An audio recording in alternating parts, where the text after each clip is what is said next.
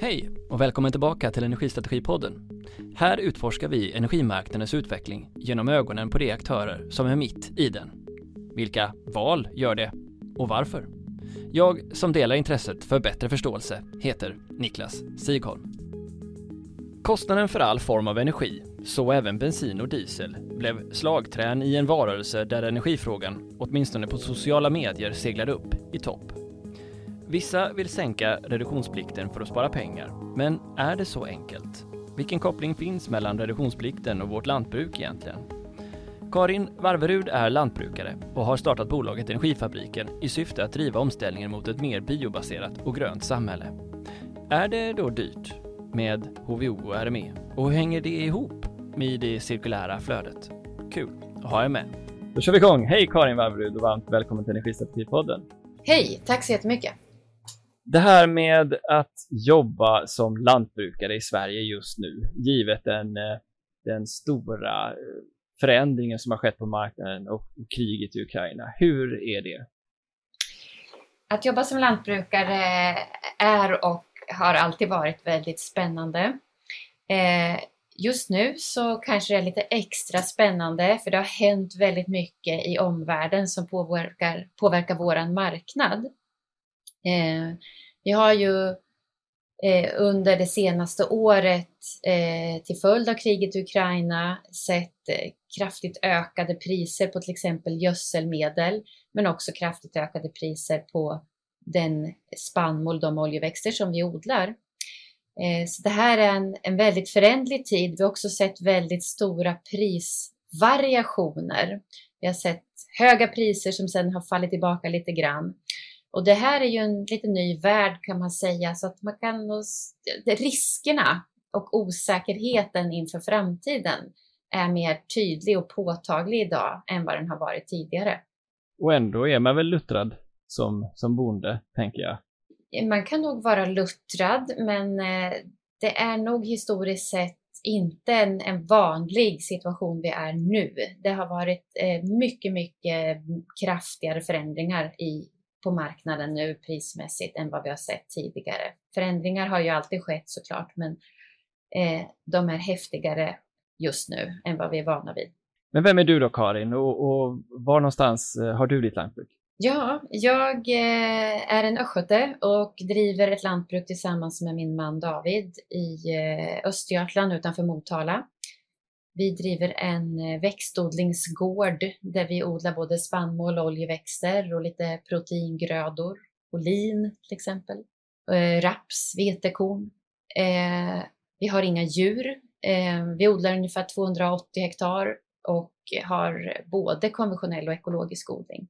Och så för några år sedan då så bestämde ni er för att dra igång någonting som idag är Energifabriken. Kan du berätta, vad, vad är det för någonting och, och vad var upptakten in, in till det.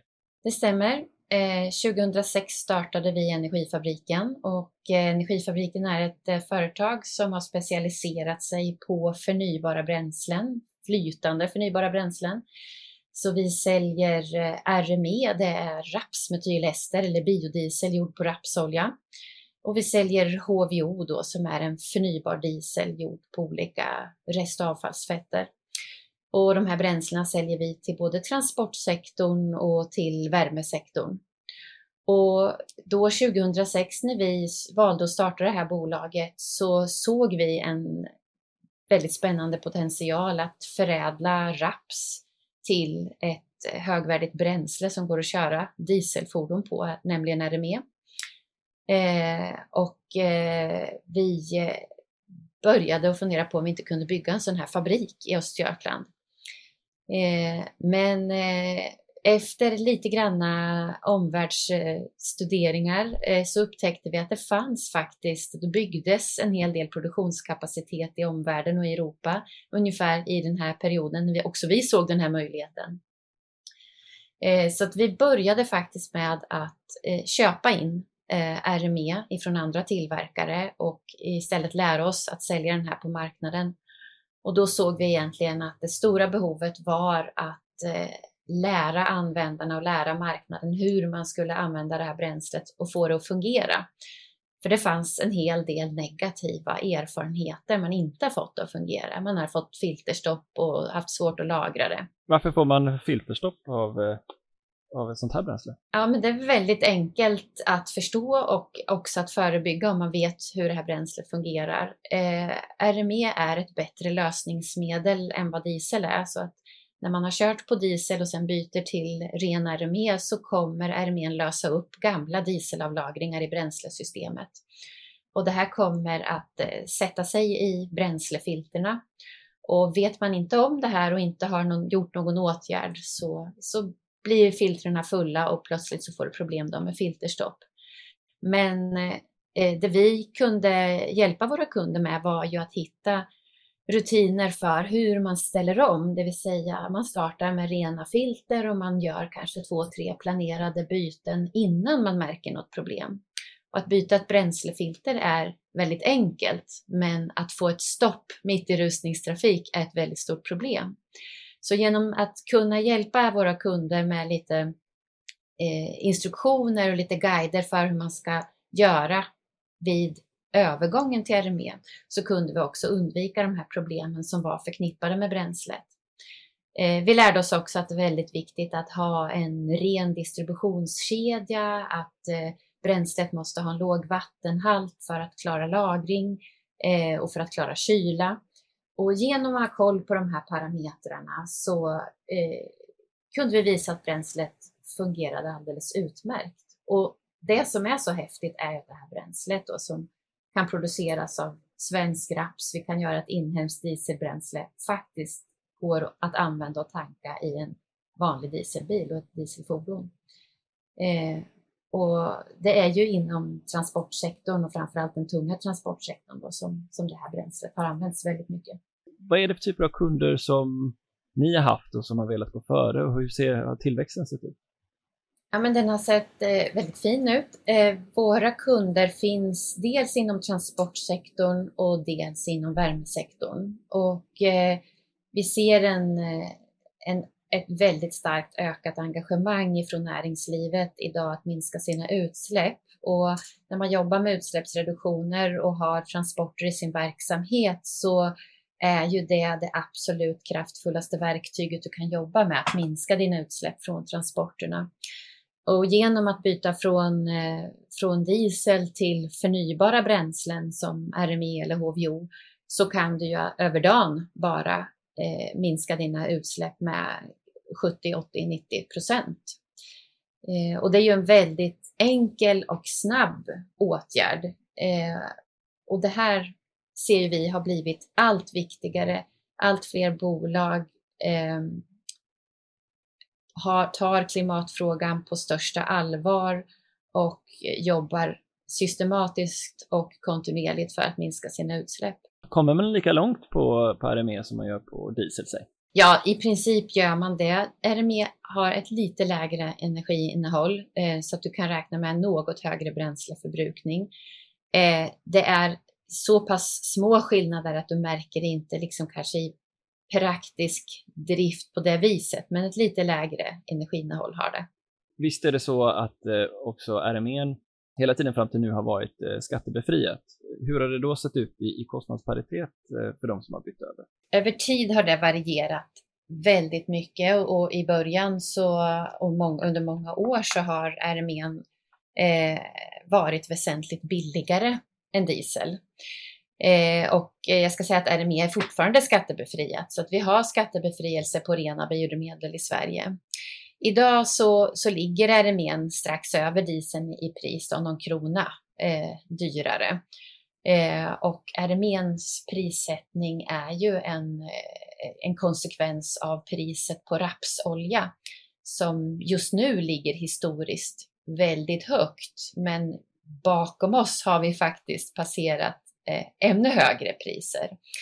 Och tittar vi lite framåt här nu eh, så, så ser våran prognos väldigt fin ut, det vill säga att rapsoljan, eh, prognosen på rapsoljepriserna är nedåtgående. Så att vi bedömer att RME kommer att eh, konkurrera väldigt fint med diesel här framgent. Och hur tillgängligt är det? Hur många tankstationer finns det exempelvis? Eh, jag har inte ett mått på alla tankstationer som alla aktörer erbjuder, men vi har ett 70-tal tankstationer i, runt om i Sverige som är publika där man kan tanka RME. Men vi tillhanda, alltså långt ifrån alla våra kunder använder bara våra tankstationer, utan vi tillhandahåller ju cisterner och pumpar så att du ska kunna tanka på hemmaplan. Har du ett stort åkeri så vill du ofta tanka på ett effektivt sätt, kanske många lastbilar på en gång. Eh, och det gör att vi har en ganska omfattande verksamhet där vi hyr ut eh, utrustning för just det här, cisterner och pumpar så att du ska kunna tanka. Eh, och den här tekniken har vi också utvecklat under åren eh, och framförallt gjort mer digital. Vi tankar idag med en app och vi gör det också möjligt att tillåta då att flera delar på en sån här cistern eller att man faktiskt tillåter omgivande grannar eller ibland helt publikt ställer den här cisternen, att man tillåter vem som helst då att komma in och tanka som också har den här appen. Och det gör ju att tillgängligheten eh, ökar eh, tack vare att våra kunder då använder den här tekniken och också eh, delar den här tekniken med andra användare. Och om man eh, då jämför, för det kan ju hända så att man inte vet vad skillnaden mellan RME och HVO är. Om man jämför de två produkterna och beskriver dem, hur låter det? Men RME är en förestrad rapsolja och när man förestrar rapsoljan så gör man den mer lättflytande och tunnflytande och gör den mer lik diesel. Den är helt, eh, man säger, den är inte faroklassad, den, har, den är inte giftig och den är inte brandfarlig, så den är ju ett väldigt trevligt bränsle att hantera. Som jag nämnde så har den något lägre energiinnehåll då än, än vad diesel har. Eh, den har en vinterkvalitet på kanske minus 22 till minus 25 grader. Eh, och eh, är ett inhemskt bränsle då. Den RME som vi producerar görs ju då på eh, svenskodlad raps.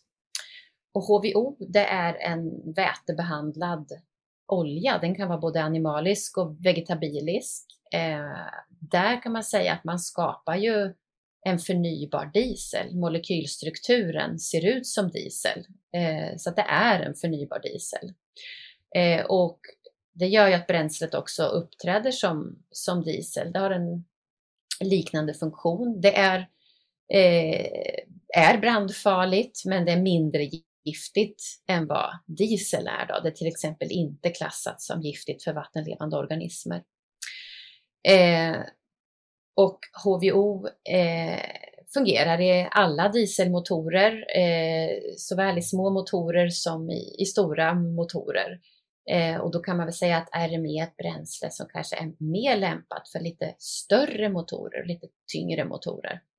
Och hur stor del av HVO eh, består av det här grödebaserade biobränslet som, som du kommer med?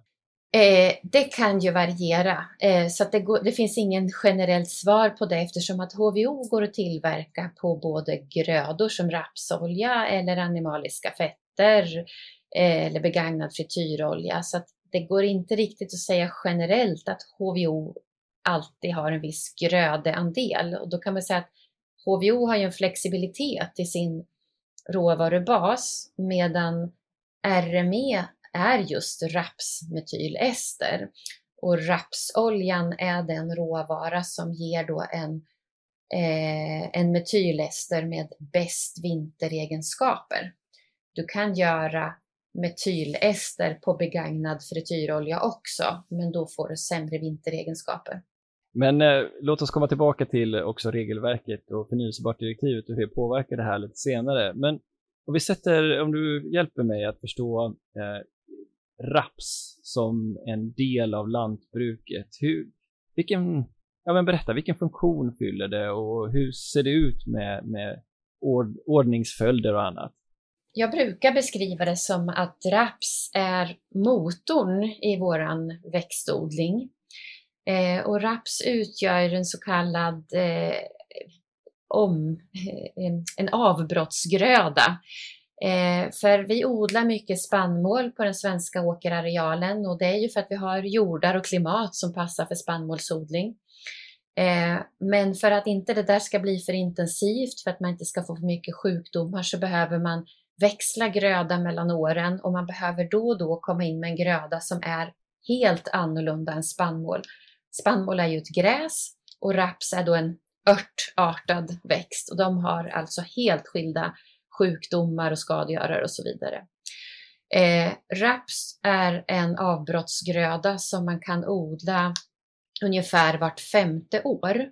Odlar man raps tätare än så, då riskerar man att få sjukdomar även på rapsen. Så det här är någonting som man är väldigt noga med som lantbrukare, att man håller de här intervallerna eh, för att hålla sina jordar och sina grödor fortsatt friska och grunda för höga skördar framöver. Vad är det för typer av sjukdomar och vad får det för effekter för dig ifall du skulle få någon av dem? För raps är det framför allt klumprotsjuka som man är eh, rädd för.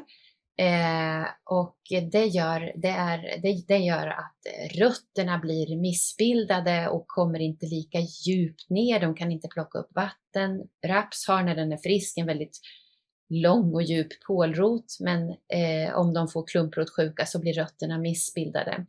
Och det gör ju att man tappar avkastning och skörd väldigt, väldigt kraftigt eh, och att eh, plantorna blir mer känsliga för torka till exempel. Så att ur ett avkastningsskördeperspektiv så är det en väldigt negativ sak om man får in klumprotsjuka. Då. Och ligger det kvar sen då? Påverkar ja, det? ja, det ligger kvar. Alltså det ligger kvar i 18-20 år. Alltså det tar otroligt lång tid att bli av med.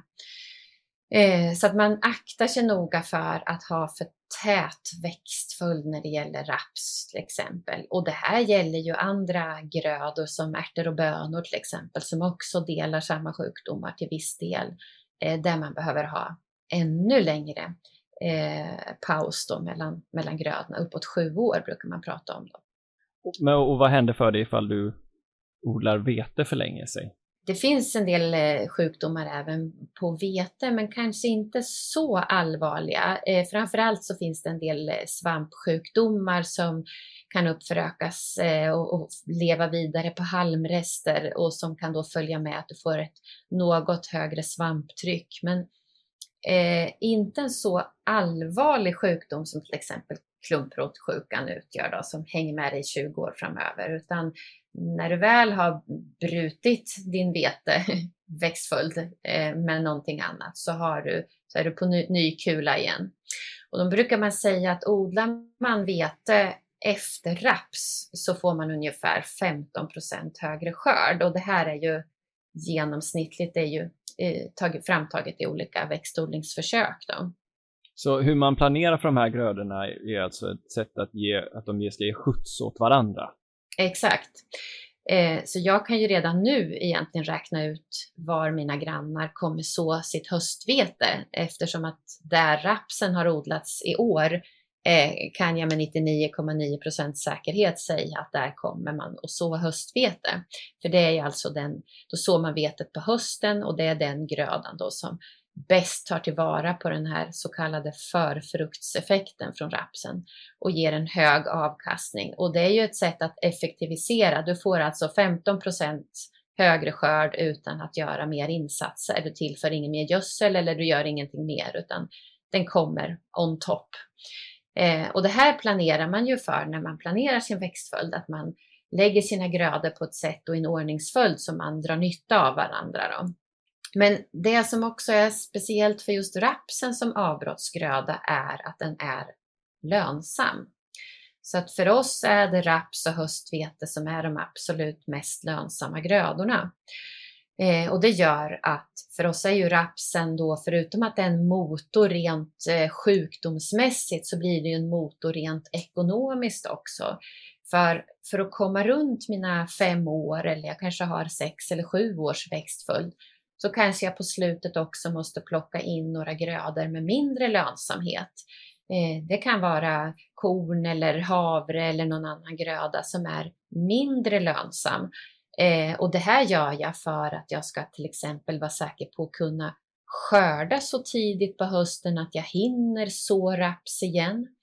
eller om som vi gör ibland sår in en vallgröda, måste jag ha korn eller vårvete att Eh, kombineras. Jag sår de här två grödorna samtidigt så att min vall, eh, i det här fallet en proteingröda som heter lucern, får växa till efter att jag har skördat min vårspannmål. Men det gör att jag måste i vissa gånger ha grödor med lägre lönsamhet och så får jag ju räkna ut lönsamheten på hela min växtföljd. Och då är det viktigt att de här grödorna som raps och vete fortsatt kan ha en bra lönsamhet så att jag kan totalt eh, få kalkylen att gå runt. Då. Och I vilken mån eh, avgör vädret vad du odlar? Finns det sådana dimensioner också? Absolut, eh, och de är ju jättetydliga och det är lite olika för olika grödor. Men till exempel så vill man inte så raps allt för sent för då tappar man så pass mycket avkastning eh, att det, ja, det är inte lönt att så raps alldeles för sent. Eh, och det gör ju att till exempel blir din skörd senare än planerat eller att det kommer väldigt mycket regn så du inte kommer ut på fälten eh, i tid. Eh, då kanske du får kasta om dina planer och, och, och så någonting annat och, och, spara det där rapsutsädet till nästa år. Ehm, och det kan också vara så att eh, vädret ställer till det när du sår dina eh, spannmålslag senare på hösten. Om det till exempel regnar väldigt mycket så kan det vara svårt att komma ut och, och så din areal så som du hade tänkt. Då. Så det är ju en jätteviktig faktor och, och, det gör att vi måste ju vara flexibla och kunna ändra oss om, om vädret ställer till det. Eh, om jag förstår det rätt så, så raps är då en avbrottsgröda som ni använder för att kunna bruka, inte bara få bättre avkastning på jorden utan dessutom undvika eh, ett antal sjukdomar över tid.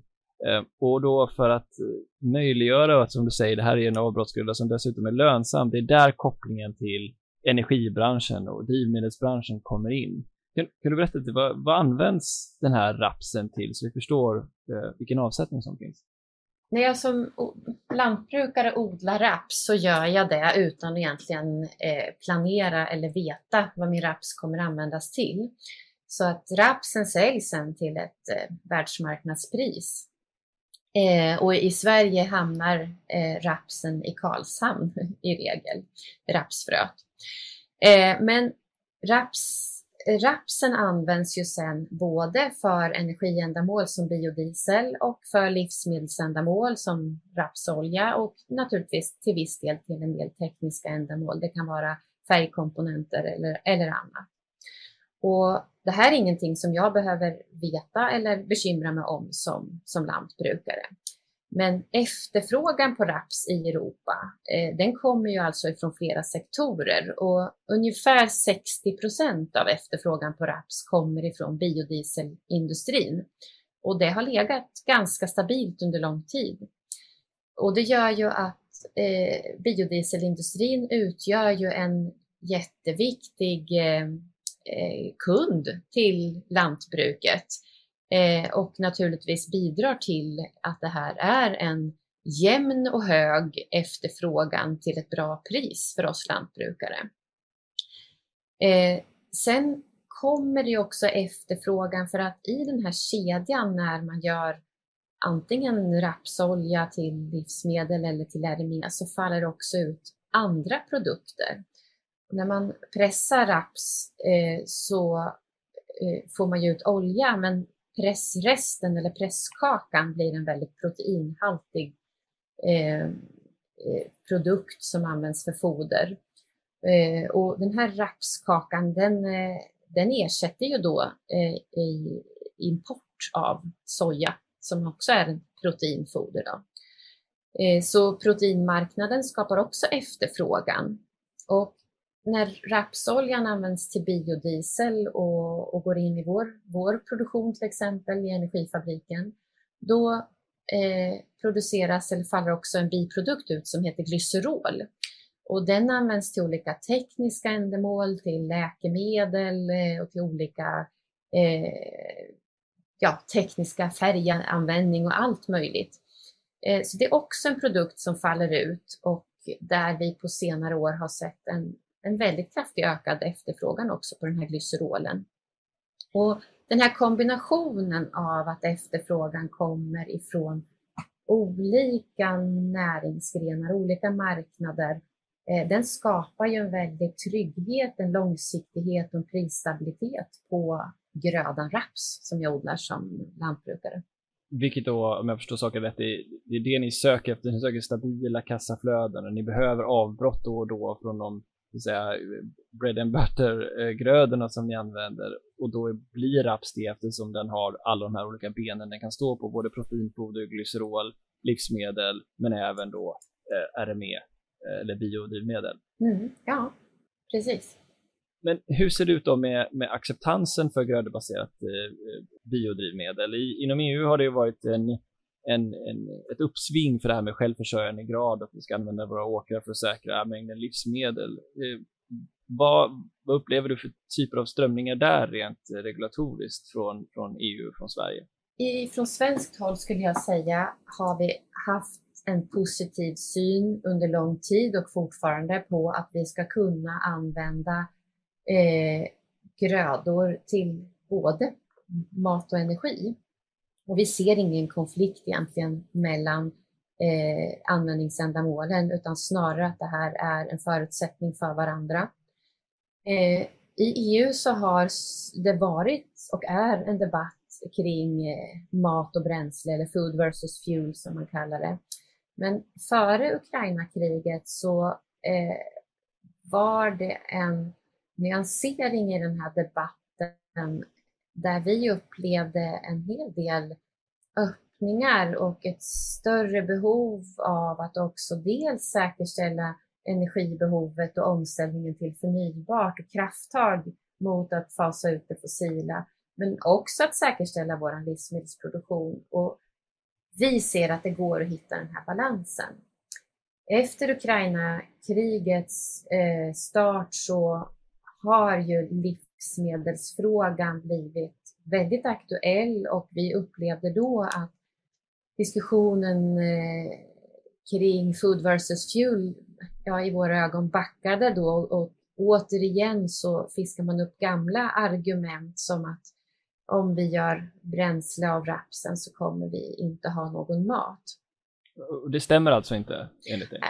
Nej, jag, jag, tycker inte att det stämmer. Eh, jag, som, jag, som jag sa innan, jag ser att det här är rapsen och även användningen till energi blir en del av livsmedelsproduktionen. Det blir en del av ekvationen för att vi ska få odlingen lönsam. Och det är den lönsamma odlingen som är nyckeln till livsmedelssäkerheten. Vi måste ha lantbrukare som vågar satsa och vågar odla. Och nu är vi i ett läge där gödselmedlen har ökat någonstans mellan tre och fyra gånger i pris mot vad vi hade för ett år sedan. Eh, och både rapsoljan och spannmålspriserna har gått upp kraftigt också. Och det gör att vi som lantbrukare kan fortsätta våga. Vi måste köpa gödselmedel. Vi måste våga satsa fortsatt. Och det kan vi om priserna hänger med. Men skulle EU stänga dörren och säga att nu förbjuder vi användningen av raps till biodrivmedel och 60 procent av efterfrågan på raps försvinner, då kommer rapspriset dyka. Och då helt plötsligt drar man ju undan mattan för de odlare som har köpt dyrt gödsel och satsar på raps och nu kommer rapspriset ramla i botten. Eh, och då menar jag på att marknadsmekanismerna i sig räcker till. För vi har haft rapsoljepriser och RME-priser som har varit på historiskt mycket höga nivåer. Och det är klart att det i sig dämpar efterfrågan en del. Eh, och den mekanismen anser jag är tillräcklig. Eh, vi behöver inte skapa ett förbud för grödor också, för då kommer vi slå ihjäl den här grödan, eh, åtminstone kortsiktigt. Då. Jag, jag, tänker så här, kanske lite långsökt, men det finns ju ändå politiska partier då som kanske tycker att, eh, eller har uttryckt att, eh, att eh, subventionera eller särskilt satsa på, på biodrivmedel som gör det dyrare att tanka, kanske inte det mest nödvändiga just nu. Vi ska minska reduktionsplikten, vi behöver inte sätta den, den vikten på frågan inom EU. Samtidigt som ju många av deras väljare ju ändå kanske är just lantbrukare med med just rapsodling. Jag, jag får inte riktigt ihop det om du förstår mitt mm. resonemang. Nej, men som jag försökte säga innan så är det väl så här att rapsodlaren eh, kanske inte alltid ser kopplingen till energimarknaden. Rapsodlaren ser inte kopplingen att 60 procent av efterfrågan på, på RME kommer från biodieselindustrin. Eh, så det är ju den kopplingen finns, men det kanske inte är det man tänker utan man ser att raps är en lönsam gröda att odla. Eh, sen så är det tyvärr nu en, tycker jag, väldigt tråkig debatt eller valfläskande eh, där man försöker överträffa varandra för att minska priset på bränsle och då har reduktionsplikten varit en sån här vattendelare som, som partierna använder och, och att man vill minska då de ambitionerna som vi har enats om i Sverige och satt upp. Jag tycker det här är, är en stor nackdel för att ska man titta ordentligt på Ukraina kriget och den energikrisen vi har i Europa idag så är den ju starkt kopplad till vårt stora behov och beroende av fossil energi. Eh, så den här situationen aktualiserar ju behovet av att byta från fossilt till förnybart mer än någonsin. Det lantbruket och det svenska lantbruket ofta argumenterar för, det är ju att även priset på bränsle är en faktor som påverkar konkurrensen väldigt mycket. Och här har vi ju en knepig situation eftersom att lantbruket eh, både nu och historiskt får och har fått subventioner på drivmedel eller fossila drivmedel. Och det här är ju för att vi vill skapa så jämna konkurrensförutsättningar eh, som möjligt mellan länder och den här typen av subventioner på just bränsle till lantbruk finns i väldigt många länder och det är en enkel statlig väg att gå för att tillskjuta stöd till lantbruket. För det är ju egentligen just det det är. Man tillskjuter stöd till lantbruket för att säkerställa och bibehålla en livsmedelsproduktion, men också säkerställa och bibehålla kontroll över livsmedelspriserna, att de inte kommer skena. Och det här gör man ju genom att ge stöd. Man ger stödet i form av reducerad skatt på fossila bränslen. Och det här blir ju lite kontraproduktivt för vi behöver ju ställa om i alla branscher, inklusive lantbruket. Eh, och vi skulle behöva hitta andra kanaler att ge lantbruket det här stödet. Skulle Sverige helt ta bort stödet och säga att vi struntar i det helt, då skapar det en snedvriden konkurrens gentemot lantbrukare i resten av Europa. Så det här gäller ju att liksom hitta smarta system och fortsätta stötta svensk livsmedelsproduktion, precis som alla andra länder stöttar sin livsmedelsproduktion. Eh, men man skulle behöva växla ifrån det här eh, lite gammaldagsa stödet genom det fossila och istället hitta smartare sätt att stödja den svenska livsmedelsproduktionen. Om man då går tillbaks till det som har att göra med förutsättningen för hur mycket man kan blanda in i exempelvis HVO som kommer från det grödebaserade så har EU tidigare gått ut och satt en, en gränstak på, om jag minns rätt, 7 för hur mycket man ska blanda in mot bakgrund just av att det inte ska man ska använda åker, åkermark för att producera mat och inte, och inte, och inte bränsle. Eh, finns, det, finns det några liksom, förhoppningar nu om att den här logiken med det här cirkulära resonemanget som du för eh, kan vinna gehör inom EU eller ser du snarare nu då att risken är stor att du kanske får min, minskat pris på raps på grund av att vi istället eh, vill subventionera det fossila ett tag här? Först vill jag, det var det var flera olika delar i den här frågan, men först skulle jag vilja korrigera dig eller kanske förtydliga de här 7 procenten. För att de 7 procenten är egentligen eh, den andel av det svenska målet till EU som vi ska rapportera till EU, alltså det kravet EU har på Sverige att minska utsläppen i transportsektorn. Det målet eh, får nås med max 7% grödebaserat. Men Sverige ligger långt över det målet. Vi har högre nationella mål än det målet som EU ställer på oss. Och det gör att vi kan eh, ha mer än 7% grödebaserat. För det är alltså det här som vi ska rapportera till EU som den här gränsen finns. Och det är en väldigt, väldigt viktig skillnad. Det är ofta det blir miss förstånd här. Så att begränsningen är inte så, så stark som man kanske kan, kan tro. Min förhoppning är att vi inte behöver krympa eh, den här gränsen ytterligare. Eh, och jag tror faktiskt inte att vi eh, klarar av det, även om det har förts en del sådana resonemang nu eh, direkt efter Ukraina-kriget. Så om man ser till den totala uppgiften vi har att lösa, att fasa ut det fossila och kanske göra det extra snabbt nu och göra oss ännu mindre beroende av eh, länder som vi inte vill samarbeta med. Eh, det kommer vi inte klara utan de grödebaserade biodrivmedlen. Vi måste ha dem, annars kommer vi förlora majoriteten av den förnybara eh, drivmedel eller energi som vi har i, i, i systemet idag. Vi ser ju också en, som du själv var inne på precis i början, eh, stort intresse från många bolag som idag har kanske stora fordonsflottor som går på fossilt att växla över till förnyelsebart på något sätt.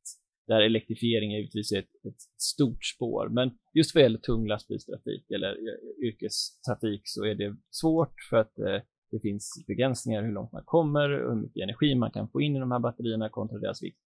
Och där så finns det ju en, en, en potentiellt väldigt stor tillväxt för de bio, eh, biodrivmedlen. Hur och vilken förmåga har vi att möta den, den efterfrågetillväxten givet att vi skulle få göra det rent regelmässigt?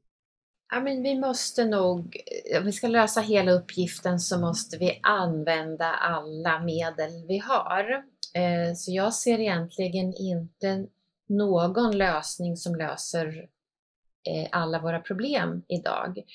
Eh, så att för att fasa ut den fossila energin och eh, kunna uppfylla de mål som vi har satt upp i Sverige till exempel till 2030 så måste vi kombinera biodiesel, RME, HVO, biogas, el, men vi måste också transportera effektivare. Vi kanske måste minska transporterna. Vi måste göra allt det här eh, samtidigt. Och jag välkomnar ju givetvis en eh, hög elektrifieringstakt, eh, för det gör ju att vi löser den totala utmaningen mycket, mycket snabbare. Eh, och jag, jag, ser att uppgiften är väldigt, väldigt stor, men jag har faktiskt goda förhoppningar om att vi ändå kommer att klara de här målen som vi har i Sverige. Men vi måste kombinera alla, alla lösnings, lösningsalternativ som vi har.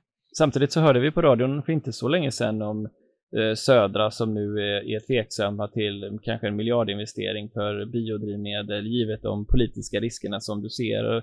Flera andra, andra, andra anläggningar som är på gång eller på väg eh, markerar också en, en, liksom en, en otrygghet inför den politiska osäkerhet som finns framåt. Hur, hur tolkar du det? Ja, men jag delar ju den osäkerheten och där ska man väl säga att Sverige har ett misslyckande för att vi har inte kunnat eh, ge näringslivet tydliga besked någon gång. Eh, svensk politik har velat ge besked och branschen har så långt jag minns talat om att vi måste ha långsiktiga spelregler.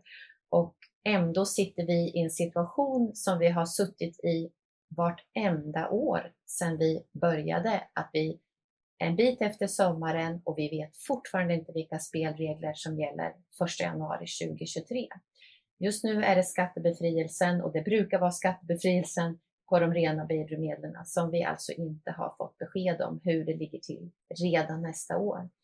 Och det finns tusen och en olika politiska förklaringar till varför det är så här, men förklaringar hjälper ju föga om vi ska ta oss an den här stora uppgiften.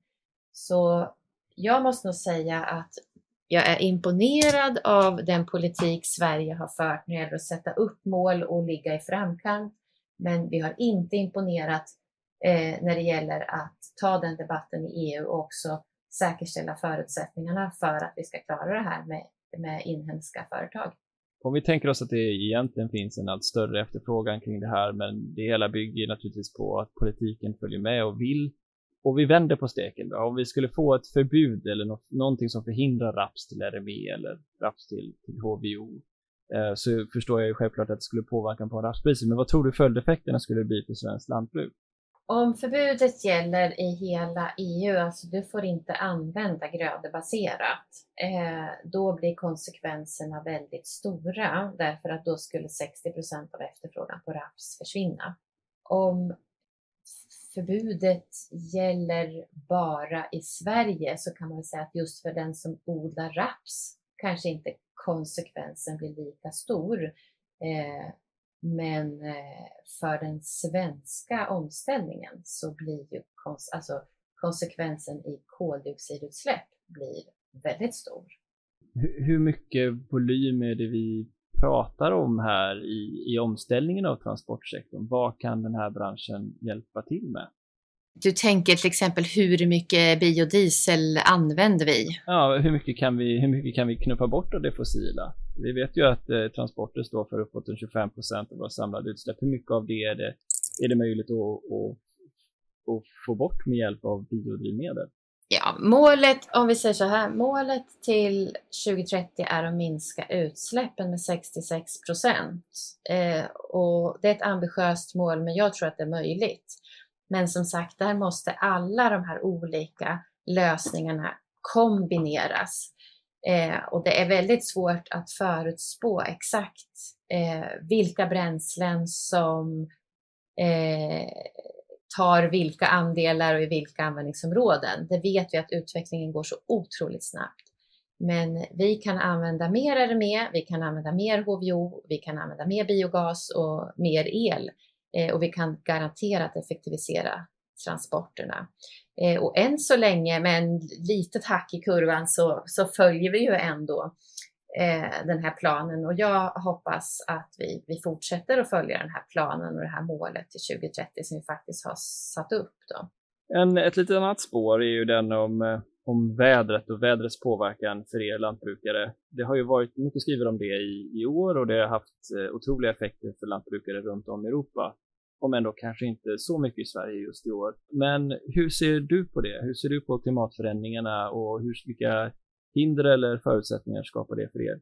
Ja, men det är ju en otroligt viktig faktor och det vi ser i år i, runt om i Europa med den extrema torka som eh, som, som har infunnit sig eh, så påverkar ju det livsmedelsproduktionen enormt. Utan vatten så kan vi inte producera livsmedel.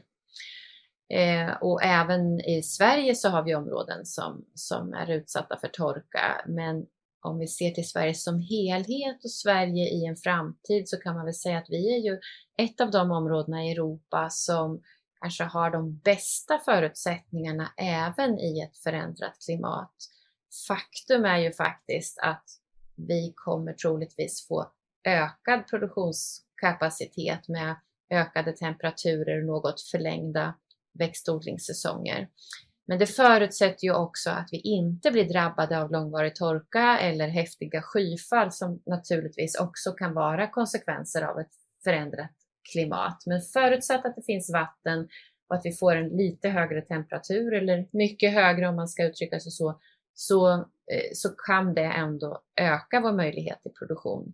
Och det gör ju att vi bör ju satsa eh, på det svenska lantbruket. Det är viktigare än någonsin att säkerställa att vi har ett ett lantbruk som fungerar, en livsmedelsproduktion, en energiproduktion som fungerar, att vi har bibehållen lönsamhet och att åkermarken faktiskt eh, fortsätter att odlas. För den resursen som är den mest begränsande och den som inte tillverkas mer, det är ju våran åkermark. Och tittar man här nu eh, sen eh, någon gång på 80-talet så är det ungefär drygt 400 000 hektar eh, som inte odlas längre. Det är alltså varje år minskar den odlade arealen i Sverige och har skett stadigt. Och den, den statistiken finns offentligt på Jordbruksverket, det är lätt att hitta. Eh, så att vi har hittills inte lyckats skapa förutsättningar i Sverige som gör att odlingsarealen ens bibehålls. Eh, och när vi pratar framtid och livsmedelssäkerhet och livsmedelsproduktion så måste vi absolut se till att vända den trenden. Och att samtidigt tillåta att massor av mark tas ur produktion och sen säga att vi inte får använda det vi odlar till energi, det tycker jag också är kontraproduktivt. Vi har stor kapacitet att producera både mat och energi på svensk åkermark. Men hur är det nu? Du var inne på det tidigare, att eh, ett gödselpris, eh, både handelsgödsel och annat gödsel som har stigit tre, fyra gånger och ja, ökade insatsvaror, ökade priser för insatsvaror på alla ledder antar jag. Hur, hur ser det ut med tillståndet att, att få en, ett lönsamt eh, lantbruk idag? Eh, dels ska, ska, man komma ihåg att det kan skilja sig väldigt mycket mellan olika produktionsgrenar och mellan djurproduktion och mellan olika typer av animalieproduktion och ren växtodling. Men, men det jag tittar på eller det jag pratar om här är ju nu ren växtodling eh, som vi håller på med. Då. Och där skulle jag säga att eh, avräkningspriserna, priserna på det vi odlar har ju följt med upp så vi klarar av att bära de här ökade insatskostnaderna. Och, och, som sagt, det är också viktigt att vi inte nu får något politiskt pill i efterfrågan utan att marknadsmekanismerna får styra i övrigt. Då klarar vi av det här och kan våga fortsätta satsa. Men det som nu är eh, den ökade risken, det är att insatserna, den investeringen du gör i varje gröda har ju ökat markant och är svårt att veta när det är dags att göra sitt gödselinköp till exempel, för priserna har fluktuerat väldigt mycket. Eh, men det är också svårt att veta om det kommer finnas gödsel. Om jag inte köper min gödsel nu, kan jag verkligen få tag i det jag behöver till våren till exempel? Eh, eftersom att gödselmedel, handelsgödsel produceras av naturgas eh, och den är ju som vi vet då, väldigt, väldigt dyr just nu så har det begränsat produktionen av gödselmedel. Och bara för överblick, hur mycket påverkar det om du har tillgång till gödsel eller inte i, i form av vad du kan odla på din jord? Alltså, i det, det, när jag säger gödsel nu så, så kan det vara förenklat, men det är framförallt kvävegödsel och det är ju den byggstenen och det näringsämnet som är absolut viktigast för att det ska bli någon produktion överhuvudtaget. Om vi inte gödslar med, med kväve till våran, till våran spannmål eller till våra oljeväxter så blir det mer eller mindre missväxt. Du får inte ens halv skörd. Du jag kan inte säga hur många procent du får, men det blir extremt låg skörd. Så kvävet är ju maten till växten. Eh, andra gödselmedelslag som fosfor och kalium som också råder brist på och kan vara tveksamt hur, hur lätt det är att få tag på. Eh, det kan vi klara oss något år utan att gödsla, men, men kvävegödselmedel måste vi gödsla. Hur positiv eller negativ är din utblick nu då? Vad, vad ser du framför dig och hur planerar du och David inför kommande åren? Jag är fortfarande väldigt positiv ändå och jag tycker att det är en spännande omvärld vi lever i. Jag tror trots allt att det är lite nyttigt för oss eh, att gå igenom den här krisen som vi, som vi gör nu. Eh, det, är, det är bra att livsmedelspriserna har ökat för att livsmedels, livsmedel har varit alldeles för billigt alldeles för länge och det ser vi inte minst på det stora svinnet som vi har och det sätt som vi behandlar vår mat på eh, som, är, eh, som vi inte kan fortsätta med om vi ska leva hållbart. Så jag tror faktiskt att eh, utsikterna är goda.